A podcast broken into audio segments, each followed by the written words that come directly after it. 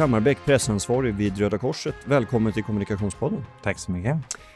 Folk och försvarskonferensen har precis avslutats i Sälen nu i veckan eh, och där har ni haft närvaro. Vilka frågor har ni drivit? Vi försöker få upp eh, frivilligheten som en eh, viktig resurs i den svenska krisberedskapen. Så det är väl den frågan som vi driver allra främst på Folk och Försvar. Hur, hur har ni lagt upp eh, talelinjerna så att folk ska lyssna? Då? Det handlar om att skapa engagemang för eh, vikten av frivilliga och volontärer i händelse av en stor samhällskris i Sverige. Så vi berättar helt enkelt om de erfarenheterna vi har ifrån att ha arbetat i den tuffa flyktingsituationen 2015. Vi har arbetat med terrorattentatet på Drottninggatan 2017 och inte minst förra året, eh, 2018, sommar, sommarens skogsbränder där Röda Korset var djupt involverade i räddningsinsatserna med volontärer och annat. Så att vi har berättat helt enkelt om eh, de bidragen vi har haft i de olika eh, kriserna. Nu under veckan så har det ju varit väldigt mycket diskussion kring eh, Procter Gambles kampanj för Gillette, The best a man can get.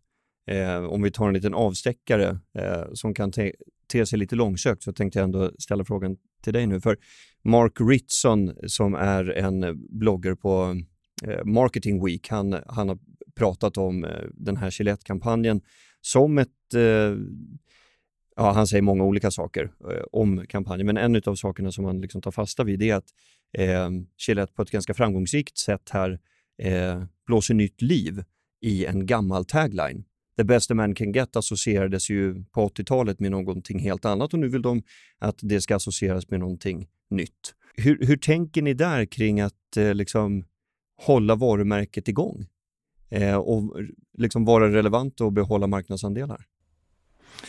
Ja, Röda Korset har ju funnits i över 150 år och vi finns i 191 länder globalt. Så att, eh, vi är ett av de varumärkena i världen som är absolut allra mest kända. Um, och det där är ju någonting som vi har arbetat med genom alla de här åren, att hela tiden eh, hålla varumärket att naturligtvis eh, uppdaterat och, och relevant, eh, men också koppla det naturligtvis till våra olika typer av insatser och verksamheter som, som vi gör. Att berätta om Röda Korsets eh, metod och berätta om hur vi jobbar och berätta om, om varför det är så viktigt att också se till de eh, människorna i den allra eh, största utsattheten och, eh, och så. så att, eh, men det är någonting som vi, vi måste arbeta med hela tiden, att eh, hålla oss relevanta. Ja, för, för det, det är ju både styrkan och, eh, du, du, får gärna eh, säga om jag har fel här, mm. men det, det, mm. kan ju både vara styrkan och svagheten i att ha ett väldigt gammalt varumärke. Att eh, man liksom glöms bort på något sätt och att man eh, måste liksom driva frågor för att ständigt hålla sig relevant. Alltså vad, vad, vad skulle du säga är, är nyckelorden för att kunna hålla sig i framkant just som välgörenhetsorganisation eller i ert fall det är väl katastroforganisation, eller hur säger man? Hjälporganisation, katastroforganisation. Ja. Mm. Vi väljer katastroforganisation Just det. som vår beskrivning. Men mm. hur, hur skulle du säga, vad, vad är nyckelbegreppen för att liksom hålla sig i framkant? Nej, men det är ju att vara aktuell och vara med i den aktuella debatten som förs och, och försöka visa på att vi eh, minsann är i framkant vad gäller både liksom naturligtvis kommunikativa insatser och kampanjer och annat, men att också eh, vara relevant i vår verksamhet. Eh, så det, det handlar ju om att hela tiden inte så att säga stanna av i de förändringsprocesser och det liksom arbetet som hela tiden måste ske för att liksom komma framåt. Mm. Ehm, och uppdatera varumärke och annat ehm, och se över liksom hela tiden vad är det, liksom, vad är det som är 2019 nu så att man inte fastnar. Finns det en, en risk där? Jag bara tänker spontant nu mot bättre vetande. Eh, finns det en risk då att man för att hålla sig relevant som varumärke ger stöd åt de frågor som är mest som bär ett störst nyhetsvärde och kanske inte de frågor där folk behöver mest hjälp? Egentligen eh, inte. Det är egentligen ett, en fråga som kräver två, två svar. För å ena sidan så har vi ju naturligtvis de frågorna eh, på marken i eh, de här olika länderna där vi finns, även i Sverige, som vi arbetar med varje dag i, i många fall dygnet runt till och med. Eh, och det arbetet bedrivs ju eh, hela tiden och när man arbetar med så otroligt brett spektrum av frågor som som Röda Korset gör. Eh, bara i Sverige, liksom vi har alltifrån en högskola som utbildar sjuksköterskor och bedriver forskning till specialistsjukvård inom krigs och tortyrtraumatiserade till 800 lokala kretsar. Och det är liksom en enorm bredd på verksamheten och då måste vi ju som arbetar med kommunikation, man kan inte prata om allting samtidigt, så du måste ju välja ut ett antal frågor som du vill eh, profilera dig inom. Eh, och, och försöka naturligtvis då eh, skapa uppmärksamhet kring dem. Eh, och vissa av de frågorna är, är, anses vara mer relevanta än andra frågor. Men vi driver ju dem ändå. Men det är klart att vi, vi lyfter fram och får ju störst utrymme kring de frågorna som eh, anses vara aktuella och relevanta här nu. För oss som inte har jobbat med dig, eh, känner till dig, så har jag några sådana här eh, frågor om yrkesrollen. Eh, det här är alltså hämtat från olika typer av både svenska och eh, internationella eh, personlighetstester som är knutna till yrkesrollen. Jag kan tycka att eh, det kan vara lite intressant att eh, man får fram i alla fall en bild av eh, vem det är man har mitt emot sig. Så eh, då ska vi se vem Fredrik Hammarbäck är. Jag har eh, sex olika frågor eh, och Eh, du får eh, svara på vilket sätt du vill. Helst ganska kärnfullt. Beskriv den värsta chefen som du haft.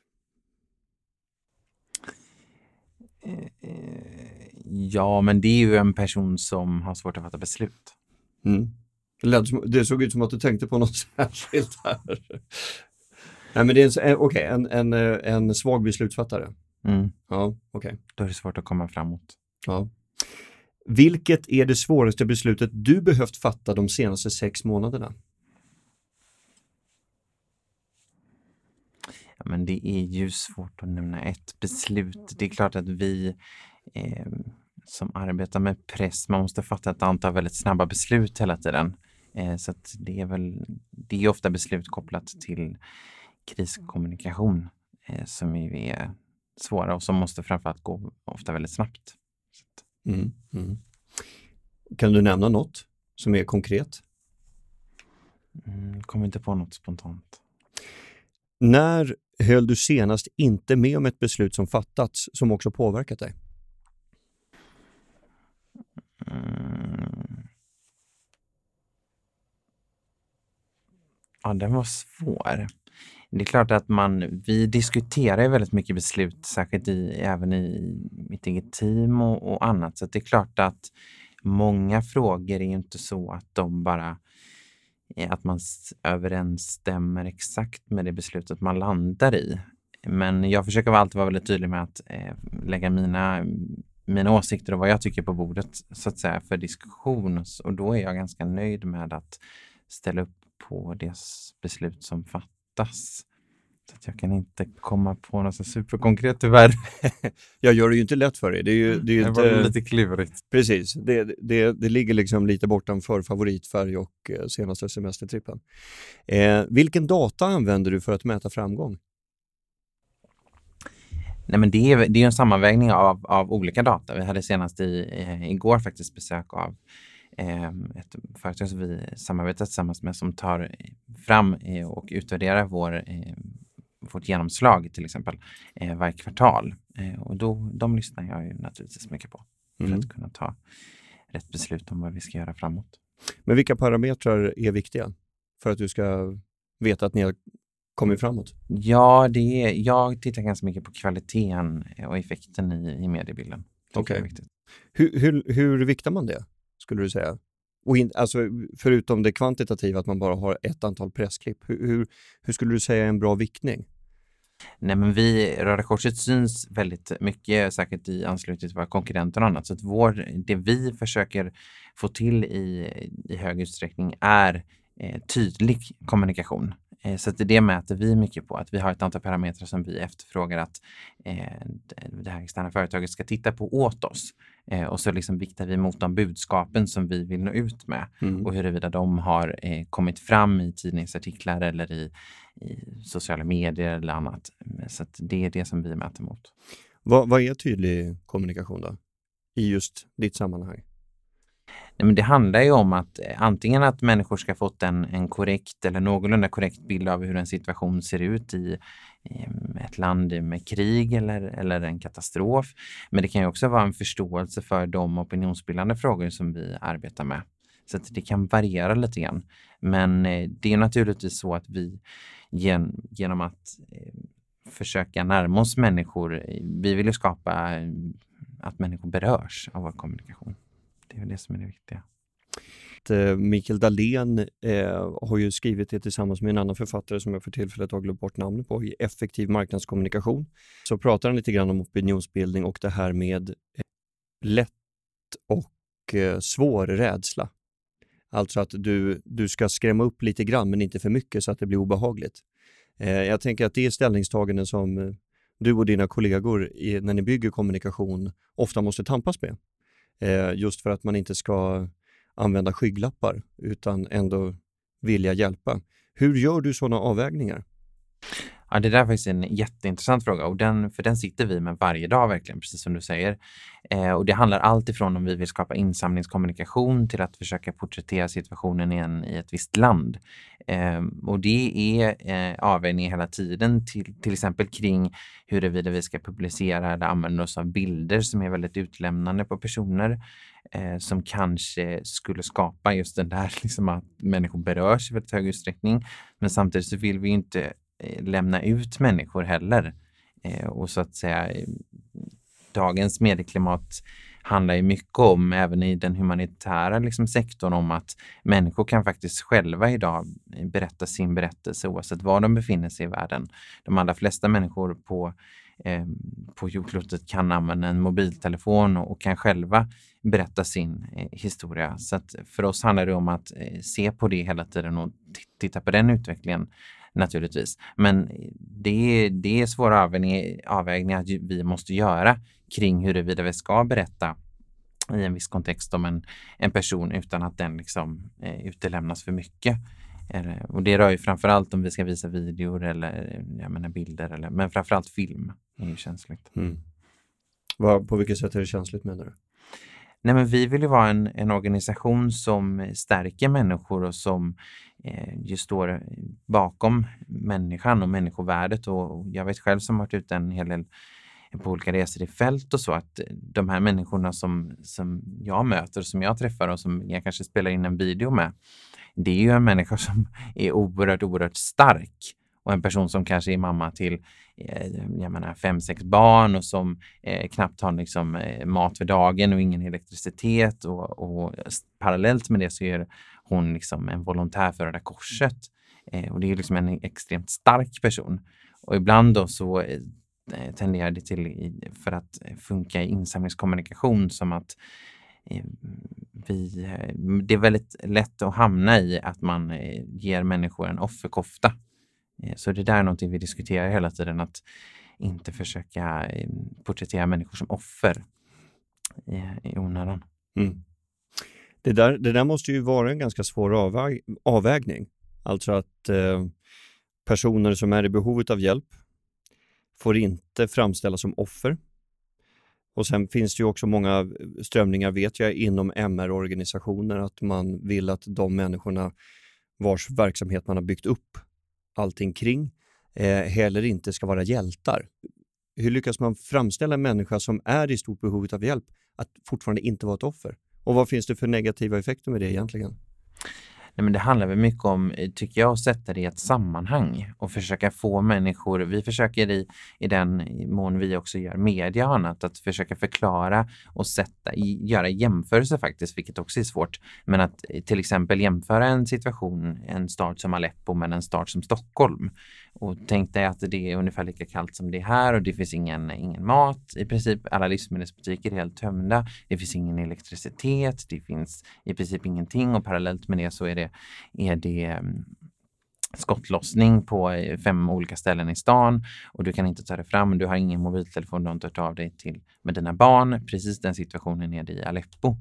Eh, och de där eh, jämförelserna eller liknelserna kan vi jobba med ibland för att få upp en förståelse kring hur en situation ser ut. Mm. Eftersom många kontexter vi jobba med känns väldigt långt bort. Men för att skapa det där engagemanget så försöker vi jobba med det. Men vi har ju eh, också, jag vet ett initiativ vi hade och, och höll på med i, i Nigeria. Där delade vi till exempel ut engångskameror i flyktingläger. Just för att människor själva skulle få berätta om eh, en vecka i deras liv. Och så sprang de runt och så tog de bilder som de tyckte porträtterade deras liv. Och så samlades de här kamerorna in efter en vecka och sen så gjordes det eh, menar, en, en, digital kampanj kring det så småningom. Ehm, och sånt är ju intressant och spännande just att det är inte alltid vi som eh, vita människor åker ut så att säga i fält och berättar berättelser om någon annans vägnar mm. utan att man idag med dagens teknik och med, med den tiden vi lever i så kan faktiskt människor själva som lever i utsatthet eh, berätta sin, sin berättelse utifrån vad de vill ha sagt. Jag har två frågor kvar på det här personlighetstestet. Mm. Beskriv en period då du hade svårt att göra ett bra jobb. Ja, men det är klart, vi har bytt på Röda Korset under den tiden som jag har varit de här tre åren så har vi bytt eh, ett antal personer i ledningen flera gånger. Och det är klart, då stannar organisationen av lite grann och det blir en viss typ av oro som delvis sprids i organisationen. Vad ska hända nu? Vad, och så där. Och det är klart, det är ju eh, svåra situationer, särskilt eftersom vi har ett uppdrag och vi vill nå ut och man vill komma framåt och så. Eh, så det, det har varit ja, hämmande i viss, till viss del. Beskriv din arbetsstil. Eh, jag är nog ganska engagerad som person och har ganska hög energinivå. Eh, så att jag tror att jag eh, jag jobbar nog på med många olika saker samtidigt i ett eh, rätt högt tempo tror jag. Vilka jobbar du närmst med under en vanlig vecka? jag arbetar ju naturligtvis med eh, våra presssekreterare, opinionsstrateger, människor som arbetar på vår marknadsavdelning. Men sen är det ju, det är väl det som är så intressant och jag jobbar på Röda Korset tycker jag för att det är så otroligt många frågor. Så att den ena veckan är verkligen inte den andra lik. Ehm, just nu gör man, jobbar vi mycket med precis som du sa med Folk och Försvar. Det täcker in liksom svensk krisberedskap och försvarsfrågor. Parallellt med det så jobbar vi mycket med frågor om Jemen, om bistånd, om, om de frihetsförhandlingar som pågår i, i anslutning till Jemen. Eh, men det kan lika gärna handla om årets julklapp som är Eh, det återvunna plagget. Vi har 280 second hand-butiker, så det varierar verkligen från vecka till vecka. Ehm, och att, eh, det måste man gilla, tror jag, både om man jobbar med kommunikation och särskilt med press, men också i en så bred organisation. Att du, du måste kunna hitta ett sätt, en metod för dig själv att, att eh, hålla alla de här sakerna i huvudet samtidigt. Hur skapar man engagemang kring en fråga om en vardag som är avlägsen för väldigt många av givarna? Eh, nej men det handlar ju om att eh, människor måste beröras. Gör de det så blir det att mm. vi har gjort. Mm. mm. Vilka kampanjer under dina tre år vid Röda Korset tycker du har blivit mest effektiva? Men det handlar ju om eh, opinionskampanjerna tycker jag personligen är väldigt viktiga. För det är också, det inte, handlar inte bara om att berätta om Röda Korset, om det arbete som bedrivs och naturligtvis insatser, utan det handlar ju också om att försöka få till en förändring eh, i vissa frågor. Så att, ehm, jag tycker nog att eh, vi har haft kampanjer om familjeåterförening till exempel som en fråga som vi har drivit under många, många år och som vi eh, har drivit stenhårt sedan den tillfälliga lagen om uppehållstillstånd i Sverige infördes för snart tre år sedan och eh, den lagen har vi, eller familjeåterföreningen och få till den har vi verkligen försökt sätta på agendan sedan dess genom en rad olika initiativ, bland annat en, en kampanj. Mm. Hur, hur såg det ut, den kampanjen? Nej, då använde vi ju, eh, då skapade vi till exempel eh, korta digitala filmer som vi, vi spred egentligen digitalt. Eh, och då handlade det väldigt mycket om att eh, just få människor att förstå att om det här hade varit jag som hade suttit i den här situationen så hade det här varit jättesvårt. Just för att det kan ibland vara svårt för en person som kanske är född i Sverige att förstå sig på hur en situation är, att komma från ett krig, ha eh, separerats från sina nära och kära, sina barn till exempel. Um, och att det kan vara svårt att sätta sig in i den situationen. Så då översatte vi det till en svensk kontext och till exempel spelade in en, en, en film med en kvinna som lämnar en, sin dotter på dagis uh, och säger um, hej då, vi ses, om, vi ses om tre år. Mm. Så att, för att få människor att förstå vad det här innebär, den här lagstiftningen som, som då låg på bordet och sen som an, antagits och som ja, men nu gäller. Ja, eh, det verkar som att Annie Lööf har tittat på filmen, eh, eller påverkats. Ja, yes. I alla fall om man ska tro de, eh, de skallkrav som hon eh, lämnade fram till Stefan Löfven i samband med den här nya regeringsbildningen som ligger framför oss. Eh, hur, hur har bearbetningen sett ut gentemot politiken? När den här kampanjen fick eh, stor spridning, Riv lagen hette den, och den, eh, den fick stor spridning eh, både bland allmänheten och bland de kanske mer engagerade i frågorna, eh, men också bland politiker och det var partiledare från eh, jag vet både Annie Lööf och Jonas Sjöstedt till exempel, två eh, partiledare jag själv kommer ihåg så här, bara spontant eh, som spred kampanjen själva i, i sina led. Så det är klart att genom att få partiledare att själva så att säga, sprida kampanjen och ställa upp på budskapet och annat så har vi kunnat få eh, större genomslag för det naturligtvis. Att... Det är ett tydligt budskap också, mm. riv lagen. Ja. Vilka kommunikationsinsatser har ni på Röda Korset kunnat se driver insamling och, och hjälper er nå era mål mest?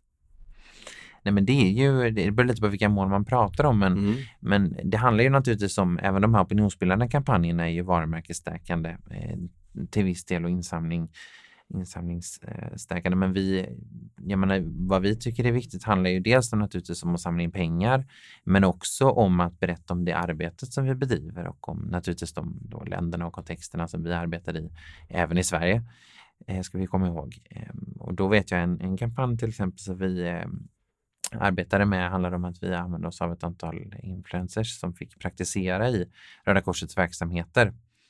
Eh, och inte bara i, så att säga lägga upp en post om Röda Korset utan fick möjligheten att eh, komma till oss och eh, testa på och jobba i någon del av verksamheterna. V vad fick de göra för något? Då? Jag vet till exempel Therese Lindgren fick eh, vara med och, eh, apropå familjeåterförening, eh, vara med och sitta och ehm, delta i vårt efterforskningsarbete. Vi får in ett stort antal människor som liksom letar efter sina anhöriga. Så att hon satt och ehm, helt enkelt genomförde en efterforskning tillsammans med en kollega till mig eh, Ellen Bergström, en Instagram-profil. Eh, hon eh, var på besök hos vårt, ett av våra eh, center för krigs och tortyrtraumatiserade personer och fick eh, ta del av berättelser där och, ehm, och sådär. Och sen hade vi jag vet, Jonas Lexell var med och var med våra första hjälpare ute på stan eller ute vid en, ett evenemang framförallt och fick testa på hur det är att vara första hjälpare hos Röda Korset. Ehm, och det, den kampanjen har, har vi också sett att det har ökat just kunskapen om vad vi håller på med och hur vi mm. jobbar. Precis, det, det blir jag nyfiken på. Det är ju ett eh, imponerande engagemang. Mm. Men vad, vad ger det för effekt? Vad, vad har ni kunnat se? Nej, vi, på just de där specifika fallen som du tog upp?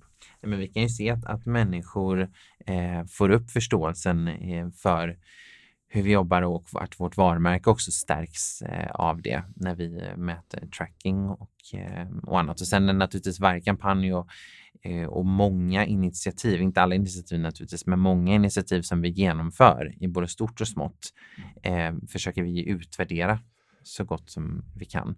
Och vi arbetar lite kampanjliknande även i eh, jag tror att, eller vi har märkt att vi måste arbeta ganska så brett givet alla olika kanaler som finns idag, att människor tar till sig information så brett, eh, så måste vi arbeta lite kampanjliknande även om det är små frågor i små team för att kunna nå ut både i media och också sociala medier och så mm. det, det, kräver eh, kanske mer jobb idag än vad det gjorde för 10-20 år sedan.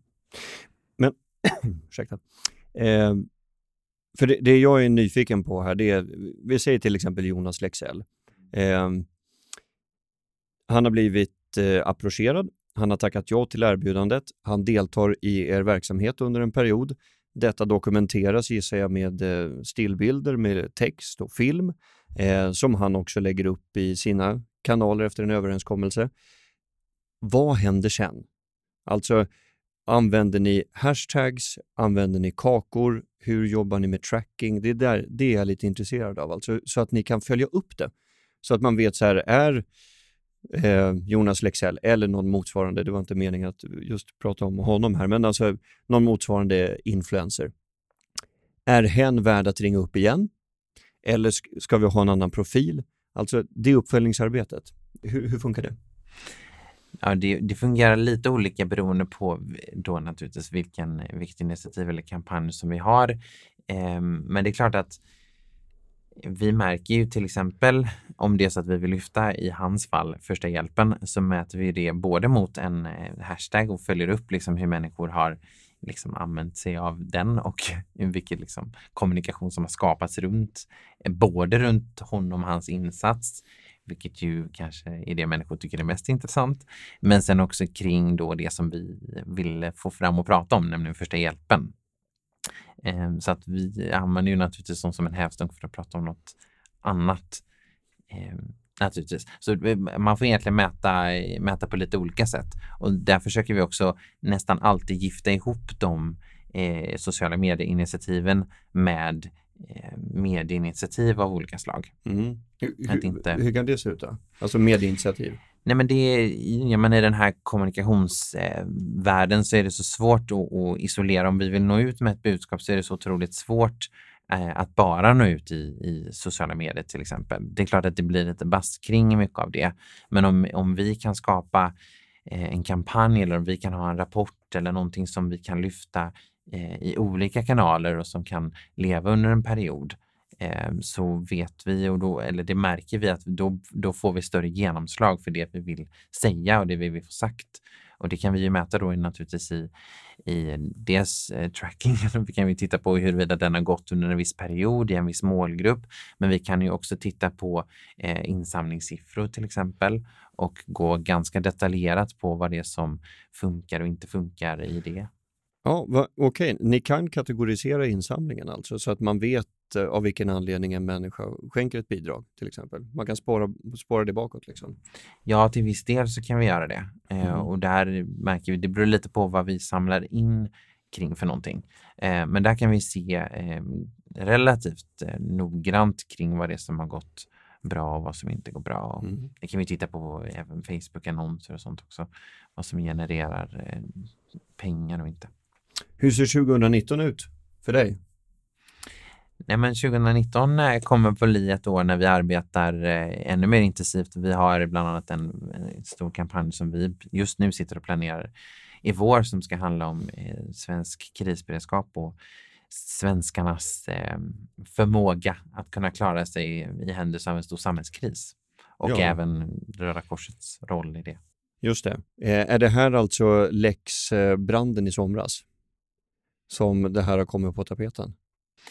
Ja, jag skulle tro att, eller det har ju pågått ett arbete under flera år faktiskt, där just eh, jag menar, Sveriges försvarsförmåga och även krisberedskapsförmåga har varit uppe för diskussion. Eh, och där vet jag att Röda Korset sedan två år tillbaka ungefär eh, har sadlat om eller förstärkt upp vårt arbete vad gäller liksom vad Röda Korset kan bidra med i händelse av en stor samhällskris. Och vi har också dragit lärdomar av tidigare eh, stora samhällskriser och där vi har varit involverade eh, och steppar upp nu för att se vad vi kan göra framåt i de här frågorna. För vi ser att svenskarnas förmåga att kunna klara sig utan rinnande vatten och utan el och tillgång till livsmedelsbutik eh, är ändå inte riktigt eh, där vi skulle önska att den var. Alla Nej. människor kan inte klara sig helt enkelt utan, eh, utan de här olika sakerna under en, under en tidsperiod om liksom längre än liksom, två, tre dygn. Mm. Hur, hur, ser beredskapen ut då? Det är liksom en lunchlåda och en halvdrucken flaska Ramlösa i ryggsäcken som man får klara sig på, eller? Det, det är ju svårt, det är väl egentligen Myndigheten för ja, samhällsskydd och beredskap, MSB, som, som är experter på det. Men jag tror att eh, vi alla behöver göra läxan och, och se över liksom vår egen krisberedskap där hemma. Eh, och det kan ju röra sig om att jag kanske inte själv behöver ha allting hemma som står i den här krislådan, även om vi på Röda Korset kanske önskar det. Utan, du kan be en granne ha det åt dig. Exakt, du kan be en granne eller du kan ha Som dina... är med i preppergrupper på Facebook. Exakt, eller du, du kanske har eh, jag menar, föräldrar som bor i närheten eller vänner eller sådär som kanske har god förmåga som du vet att du kan ta det till eh, om det krisar till sådär. Eh, men jag tror att vi, vi är ju liksom vana att leva i Sverige under väldigt bra omständigheter och det är klart att jag menar de som befann sig i Stockholm under terrorattentatet på Drottninggatan vet att ganska snabbt så kan hela stan slås ut. Eh, och när det då befinner sig miljontals människor på samma plats eh, så kan det ganska snabbt skapas panik och kaos. Och har man då tänkt till lite grann vad man kan, kan göra för att förbereda sig för ett sådant scenario så är man lite mer redo mm. i händelse av att det verkligen händer. Fredrik Hammarbäck, pressansvarig vid Röda Korset. Stort tack för att du ville vara med i Kommunikationspodden. Tack själv.